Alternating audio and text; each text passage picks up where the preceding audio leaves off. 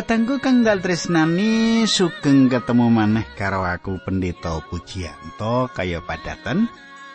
Aku bakal bebarengan karo panjenengan ana ing sajroning adicara margi utami. Aku atas pandonga panjenengan tansah sehat bagas waras. Kepiye panjenengan kabeh apa panjenengan uga ngrasakake dijangkung karo Gusti Allah? Ngrasake nek urip panjenengan diberkahi karo Gusti Allah. Pandung aku panjen kaya mengkono lan saiki ayo nyerak karo aku ngene. Lungguh kang kepenak mengkono ya supaya isen-isening jiwa panjenengan kaisenan karo dawuh pangandikane Gusti ora kaisenan pawarto-pawarto sing dadekake panjenengan susah. Sugeng midhangetake adicara iki.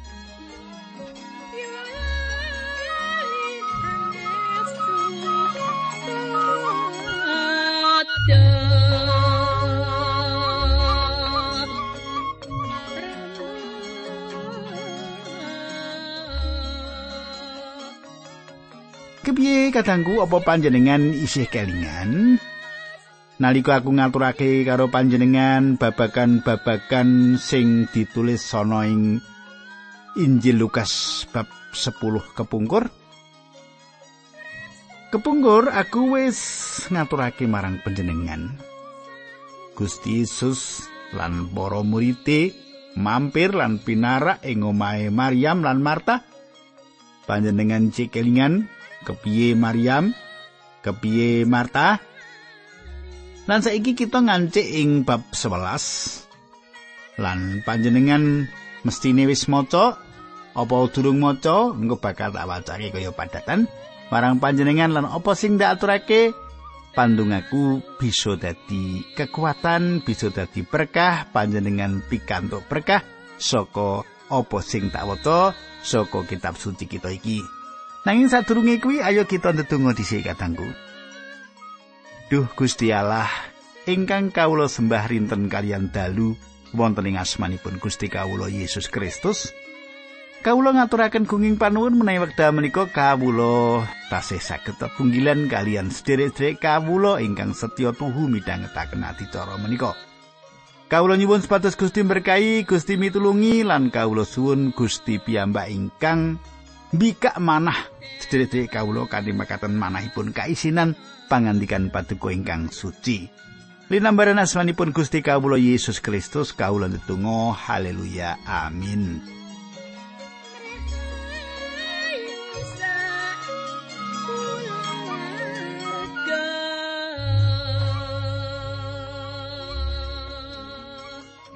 Para pamirsa kang ndak tresnani. Saiki kaya sing tak aturake ngarep, kita sinau anggon kita sinau Injil Lukas wis tekan bab 11.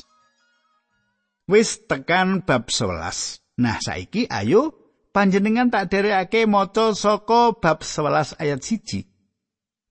Engko tak wacake tekan ayat telu. Sawijining dina Gusti Yesus ndedonga ana ing salah sawijining panggonan sawise rampung Ana sekabat sing nyuwun pirsa, Gusti, mbok kula sami panjenengan wuruhi ndedonga kados dene Nabi Yohanes inggih muruhi ndedonga murid-muridipun. Gusti Yesus nuli ngendika, "Menawa kowe padha ndedonga matura mengkene, Duh Rama, asma paduka ingkang suci mugi kaormatan dening para manungsa sedaya lan kraton paduka mugi kelampahan wonten ing ngriki." Saben dinten kawula mugi paduka paringi rejeki ingkang kawula betahaken. Ayat papat dosa kawula mugi paduka apunten sebab kawula inggih ngapunten saben tiyang ingkang kalepatan dhateng kawula. Kawula mugi sami katepihaken saking panggodha Katanggu kang dak tresnani alasan para murid Gusti Yesus utawa jalaran para murid Gusti Yesus kepingin ngerti kaya ngapa to ndedonga iku. Jalaran asring ngerti Gustine lagi ndedonga. Gusti Yesus piyambakan yen lagi ndedonga mula ana pepinginan para murid kaya gurune kepingin bisa ndedonga uga. Para murid iki ora nyuwun pirsa bab kepriye tangkeping pandonga. Nanging bab tata cara agama nalika lagi padha ndedonga. Apa maneh para murid iki pancen kepingin bisa ndedonga kaya dene yen gurune Sang Kristus lagi ndedonga. Kanggo kita sing durung paham lan ngerti bab apa lan kepiye yen kita ndedonga, pancen kita merlokake wong liya kanggo nuntun kita ing babagan iki. Coba panjenengan persani kepriye anggone para murid matur marang gurune Sang Kristus. Gusti, mbok kula sami panjenengan wuruhi ndedonga kados dene Nabi Yohanes inggih muruhi ndedonga murid-muridipun. Katanggu apa sing bisa kita semak ing kene? Apa sing bisa kita semak ing kene?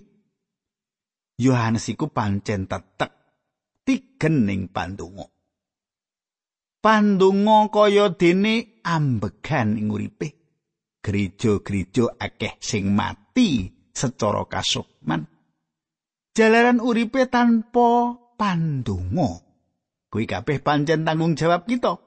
Kepiye supaya gereja kita dewi-dewi bisa urip ing pandonga? Kadangku aku ora ngerti gerejane panjenengan kaya piye. Gerejaku saiki iki anggotane meh rong atus. Ning sing sregep netunga ora ana wong rong puluh, malah dek wingi wong wolu. Aku kepingin donga iku dadi perangane kewajiban warga jemaat. Kanthi mengkono iso ndongaake akeh, ndongaake panjenengan, ndongaake kebutuhan gereja, ndongaake pendeta-pendeta, ndongaake pemerintah, ndongaake sembarang kalir. Lan kabeh wong Kristen sing dadi warga jemaat melu ndedonga. Wah, kaya ngopo ngono ya? Kepengin banget. Aku ora ngerti gerejane panjenengan nek pistonan esuk apa ya akeh utawa pistonan bengi terserah panjenengan apa akeh sing teko saka warga pasaman iki. Nah katengku nalika Gusti Yesus. Nalika Gusti Yesus maringi pitedhah bab pandonga iki ora supaya dibakokake. Kudu ngono ora. Nanging pandonga sing spontan.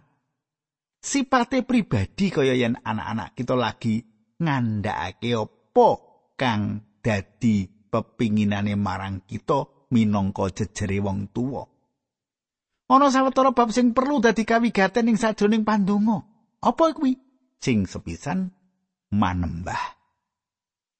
Sing sepisan manembah kaluhurna asma paduka, kraton paduka mugi kelampan wonten ing ngriki. Tegese apa iki ateges supaya kersane Allah wae sing bisa kelakon. Dudu karepe kita, dudu karepe menungsa. Iku uga ateges yen panjenengan tangsa kepengin urip panjenengan dituntun dening Allah. Panjenengan ndedonga nyuwun tuntunanipun Allah. Ya kuwi urip kang mituhu sak kersane Allah. Cetha ya? Ya cetha ya. Saiki tak teruske kadangku ora ana gunane kanthi ukara sing api-api ing pandonga tanpa ngrasakake teges sing maton. Iku sing kepisan ya sing kaping pindho ngenani pangrimate Allah marang urip kajasmanan kita. Matur nuwun, dirimat Gusti Allah. Saben dinten kawula mugi paduka paringi rejeki ingkang kawula betahaken. Saben dinten kawula mugi paduka paringi rejeki ingkang kawula betahaken. Dirumat dening Gusti Allah.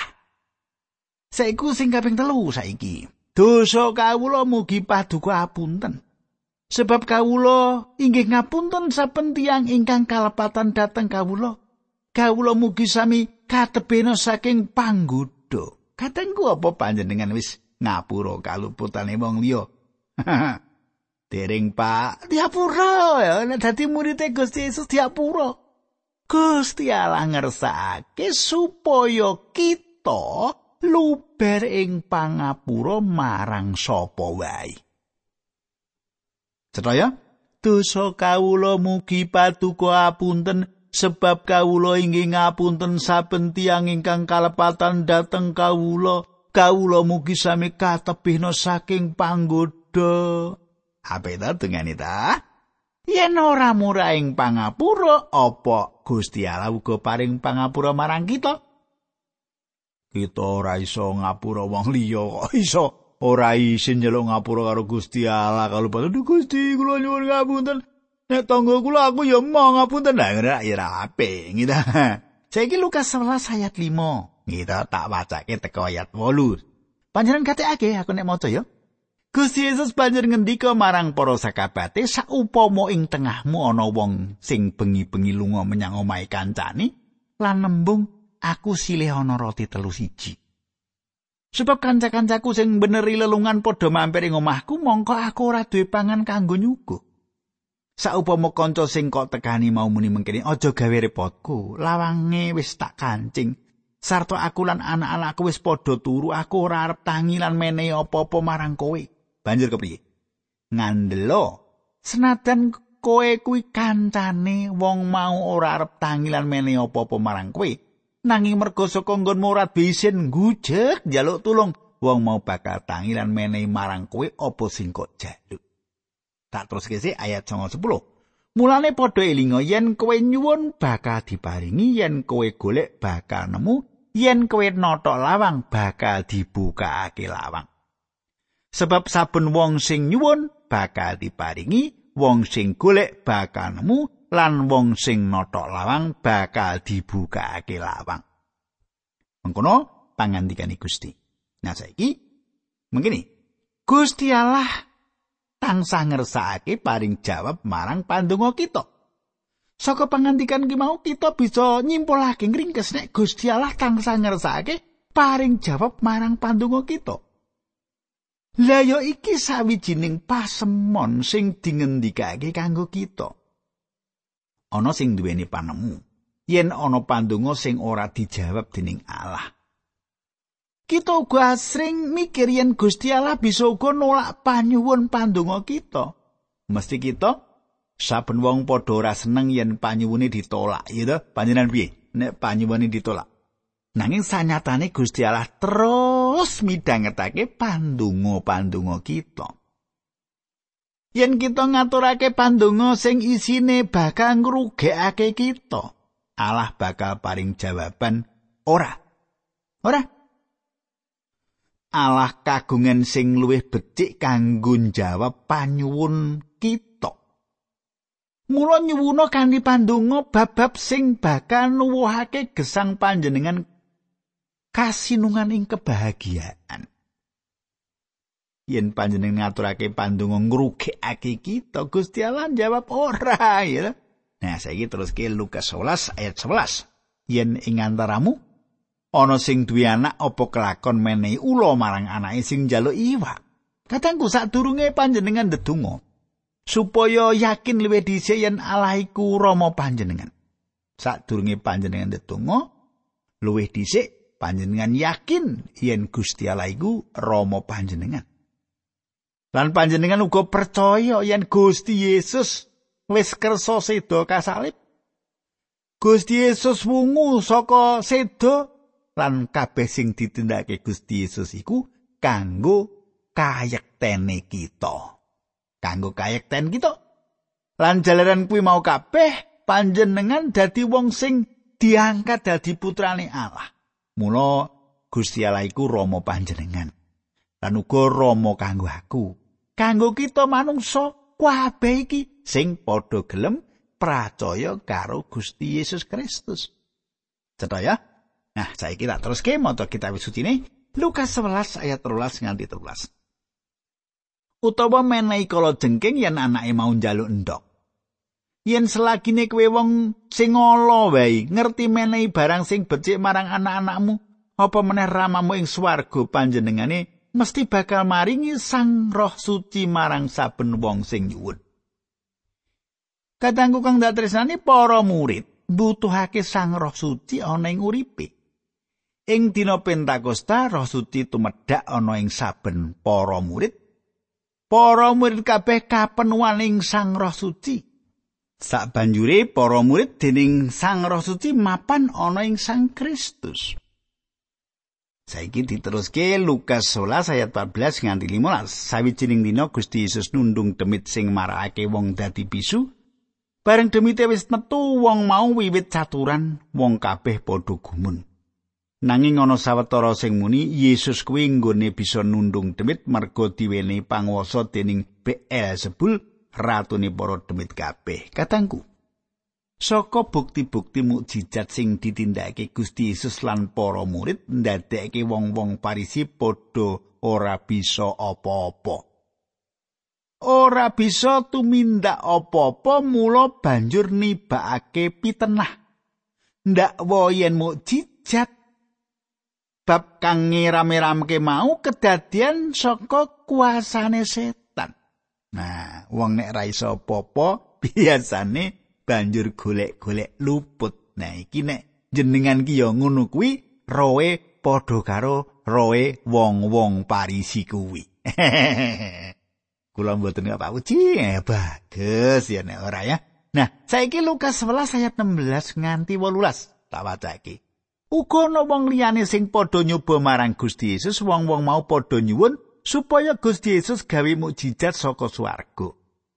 Nanging Gusti Yesus pirsa karepe wong-wong mau mulane banjur ngendika, yen ing sajroning negara ana dredah, negarane mesti ora bisa lestari lan brayat sing cerah bakal bubrah. Menawa negarane iblis ana dredah ing antarane iblis siji karo sijine, kepriye bisane negara mau lestari? Kowe kandha yen nggonku nundungi demit kuwi merga saka panguasane Beelzebul. Ayat 19 nganti 20.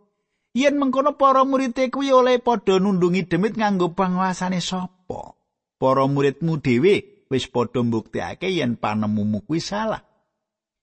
Menawa aku nundung demit ora merga saka panguasane Beelzebul nanging merga saka panguasane Gusti Allah, kuwi mertandani yen kratone Allah wis ana ing tengahmu. Kadangku pangandikan iki ateges kratone Allah. Ya Gusti Yesus sang raja binathara sing kagungan panguwasa tanpa wates wis ana ing tengah-tengahi bangsa iki. Kudu ngerti babakan-babakan ngono nek ana pangeram-eram sing mengkono kuwi. Setan katundung iku tegese kratoning Allah wis cedhak. Rajane wis teko sapa meneh? Gusti Yesus Kristus. Lho kok ora do ngerti? Ya ta Saiki diteruske. Lukas 11 ayat selikur nganti selawi. Yen ana wong rusa sing jaga omahe nganggo gaman sakpepake barang-barange kabeh bakal aman. Nanging yen katekan wong sing luwih rusa sing nempuh lan ngalahake dheweke gegamane kabeh sing diendelake bakal dirampas lan barang terbe dijarah rayah sarta didum-dum. Sopo sing ora nyarujuki aku kuwi ateges nglawan marang aku lan sing sapa ora mbantu aku ateges ngrusak pagaweanku. Menawa ana demit wis metu saka wong, demit mau nulimi mider ing bumi sing cengkar golek papan kanggo ngaso. Yen demit mau ora oleh papan sing mengkono banjur ngunandika becike aku ndak bali menyang omah sing ndak tinggal. Ayat 6 nganti 17 demit mau banjur lunga maneh ngundangi kancane demit pituliyane sing luwih ala ketimbang karo dheweke demit-demit kuwi banjur padha manggon bebarengan ing wong mau. Wusana wong mau alane ngungkuli dek biyen nalika isih dileboni demit siji. Sawise Gusti Yesus mungkasi pangandikane mau nuli ana wong wadon saka ing antarane wong akeh mau nguwuh. Bejo tiang istri ingkang nglairake lan nesepi panjenengan. Ayat 22 nganti 30. Nanging Gusti Yesus ngendika sing bejo kuwi wong sing padha ngrungokake sarta nggatekake pangandikane Allah. Nalika isih dirubung dening wong akeh Gusti Yesus ngendika, wong-wong iki dasar wong ala. Saiki padha nyuwun pertanda mukjizat nanging ora bakal padha kaparingan kejaba mung pertandane Nabi Yunus. Kaya dene Nabi Yunus nggone dadi pertanda tumrape wong ing kutha Niniwe, semono uga putrane manungsa ya bakal dadi pertanda tumrap wong-wong iki. Ayat 31 Besok ing dinane kiamat Gusti Allah ngadili para manungsa. Ratu putri saka ing tanah kidul bakal maju lan gugat dosane wong-wong iki. Sebab ratu kuwi wis rawuh saka pojok ing bumi, saperlu ngrungokake kawicaksaning Sang Prabu Sulaiman. Monggo elinga, sing ana ing kene iki ngungkuli Sang Prabu Sulaiman. Ayat 32 Besok ing dinane kiamat Gusti Allah ngadili para manungsa para wargane kutha Niniwe bakal maju ngugat dosane wong iki sebab nalika para wargane kutha Niniwe mau padha krungu pangandikane Allah sing diwedharake dening Nabi Yunus wong-wong mau nuli padha mertobat ngerti yo? Sing ana ing kene iki ngungkuli Nabi Yunus. Sumitraku tondo iku. Tondo iku mesti wae wungune Sang Kristus saka antarané wong mati. Menawa kita nyemak pangandikane Gusti mau tondo sing dikersake ya kuwi nalika Gusti Yesus wungu saka antarané wong mati. Gusti Yesus ngajak dawuh ngiling-iling ngelakon Nabi Yunus ing perjanjian lawas. Dawuh marang wong-wong kang ana kono. Nabi Yunus kaya-kaya kahanane wis mati disane pake mangkono. Nalika ana jero weteng iwak gedhe, Nabi Yunus disane pake mati. Gusti Allah sing ngentasake saka pati lan ngluwari saka pepeteng nemu kahanan sing padang jinglang padange kauripan. Nah saiki Lukas 11 ayat 33 nganti 36. Ora ana wong sing nyumet dian banjur diselehake ana ing panggonan sing delik utawa nutupi dian mau nganggo panci nanging dian mau bakal diselehake ana ing ajuk-ajuk supaya madangi wong-wong sing ana ing omah kono. Mripat kuwi kena diumpamake dian ana ing awak. Yen mripatmu waras awakmu sakujur padang jinglang, nanging yen mripatmu blawur awakmu sakujur ya banjur dadi peteng. Mulane padha ngati-atiyo supaya pepadang sing ana ing awakmu kuwi aja dadi peteng. Yen awakmu kepadangan lan ora ana sethithik setya sing peteng, awakmu sekujur ya nuli bakal dadi padang jinglang. Padha kaya yen kowe kepadangan dening cahyaning lampu. Kadangku Gusti Yesus maringi katerangan sing gampang, prasaja banget. Kegayutan gunane dian. Gunane dian. Dian iku nekake lan ngedum nyunarake pawadang. Dian kuwi nekake lan ngedum nyunarake papadang. Wungune Sang Kristus saka pati iku kaya dene papadang. Wungune tangine Sang Kristus saka pati iku kaya dene pepadang. Wungune Sang Kristus iku kaya dene sunar sing gumebyar cahyane nelai pepetenging jagat. Kabeh banjur dadi cetha ora ana sing katutupan. Mripat sing kita duweni bisa ndeleng kabeh sing ana nanging kanggone wong buta. Senajan ana cahya sing padhang, sumilak dheweke ora bisa ndelong apa-apa. Yen kita sing ora buta ora bisa ndelenganane cahya panguripaning saka Allah, kita dadi padha karo wong buta. Mula pepadang lan mripat padha perlune kanggo kita. Lukas 11 ayat 37 nganti 38. Bareng wis rampung gone mamulang Gusti Yesus banjur diaturi dahar ana ing omahe wong Farisi. Panjenengane nuli tindak mrono sarta daharing kono. Wong Farisi mau gumun banget nalika weruh Gusti Yesus dahar tanpa wiji asta dhisik. Kadangku panjenengane Gusti kita ngresiki kabeh cara-carane agama nalika iku sing mung sipate ritual urutan agama wae. Lukas 11 ayat 39 nganti 41. Mula Gusti Yesus ngendika kowe wong Farisi padha kulino ngasahi njabani mangkok lan piring nanging ing jerone atimu kebak gagasan ngrodha peksa lan piyala. Kowe wong bodho Gusti Allah sing nitahake sisih jaba apa ya ora nitahake sisih jero uga. mandek isi ya. Katanggu, agama iku sesangkutan karo atine menungso. Iki bab sing sipate dasariah, mapan ana dasare urip ya kuwi atine menungso. Saiki ayat patang puluh siji nganti patang puluh papat. Isining mangkok lan piringmu kuwi sing kudu kok wenehake marang wong miskin srana mengkono kowe bakal dadi resik sakabi. Cilaka kowe wong Farisi awit pro sepuluhane asli tanduranmu selasih inggu lan sarupaning janganan kok bayar nanging padha nglirwakake keadilan lan katresnan. Monggo kuwi sing kudune kok dhisikake tanpa nglirwakake sing liya-liyane mau. Cilaka kowe wong Farisi ana ing sinagoga kowe padha seneng lungguh ngarep papan sing disediakake kanggo wong penting lan kowe seneng dihormati dening wong ana ing pasar-pasar. Cilaka kowe kowe kuwi kaya kuburan sing tanpa tenger sing didaida dening wong mergo ora ngerti yen kuwi kuburan. Ayat 45 nganti 47. Ana para ahli Taurat sing matur marang Gusti Yesus, "Guru, pangandika panjenengan ingkang makaten menika ugi ngremehaken dhateng gulungan kula. Dawe Gusti Yesus kowe para ahli Taurat kowe uga wong cilaka. Kowe ngemotake momotan sing abot ning pundhake wong, momotan sing kowe dhewe moh ndumuk senajan mung nganggo drijimu wae. Cilaka kowe. Kowe padha mbangun pesareane para nabi sing dek biyen disidani dening para luhurmu dhewe.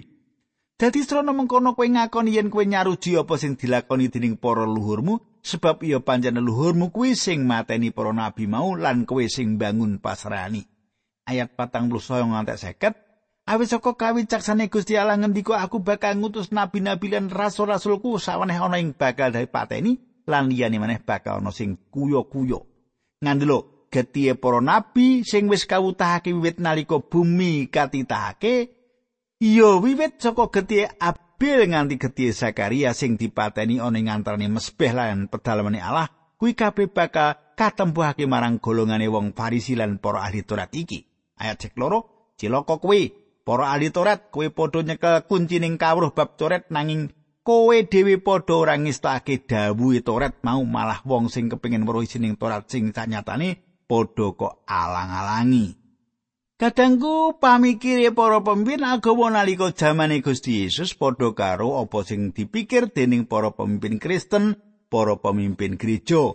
Luwih mentingake menehi sing sipate fisik, material, pemikiran sing sipate duniawiah, ora ngutamake apa sing rohaniah. Mula sumitraku, ayo urip kanthi landesan percaya marang Gusti Yesus Kristus sak wutuhe. Saiki aku arep macake Lukas 11 53 nganti 54. Bareng Gusti Yesus tindak saka kono, para ahli Taurat lan wong Farisi mau padha nesu banget lan padha ngololo marang Gusti Yesus. Sawise kuwi wong-wong mau padha goleki kesalahane Gusti Yesus trono ngajakake pitakonan pirang-pirang bab perkara rupa-rupa. Wong-wong mau padha nastitekake pengandikane Gusti Yesus supaya bisa krungu yen ana tembunge Gusti Yesus sing kena digawe dadakan kanggo nyekel panjenengani. Katanggu tak cukup semene monggo kita ndedonga. Kanjeng Rama ing swarga kawula matur nuwun. Kawula dipun tuntun Gusti dinambaran asmanipun Gusti Yesus Kristus kawula ndedonga. Haleluya. Amin.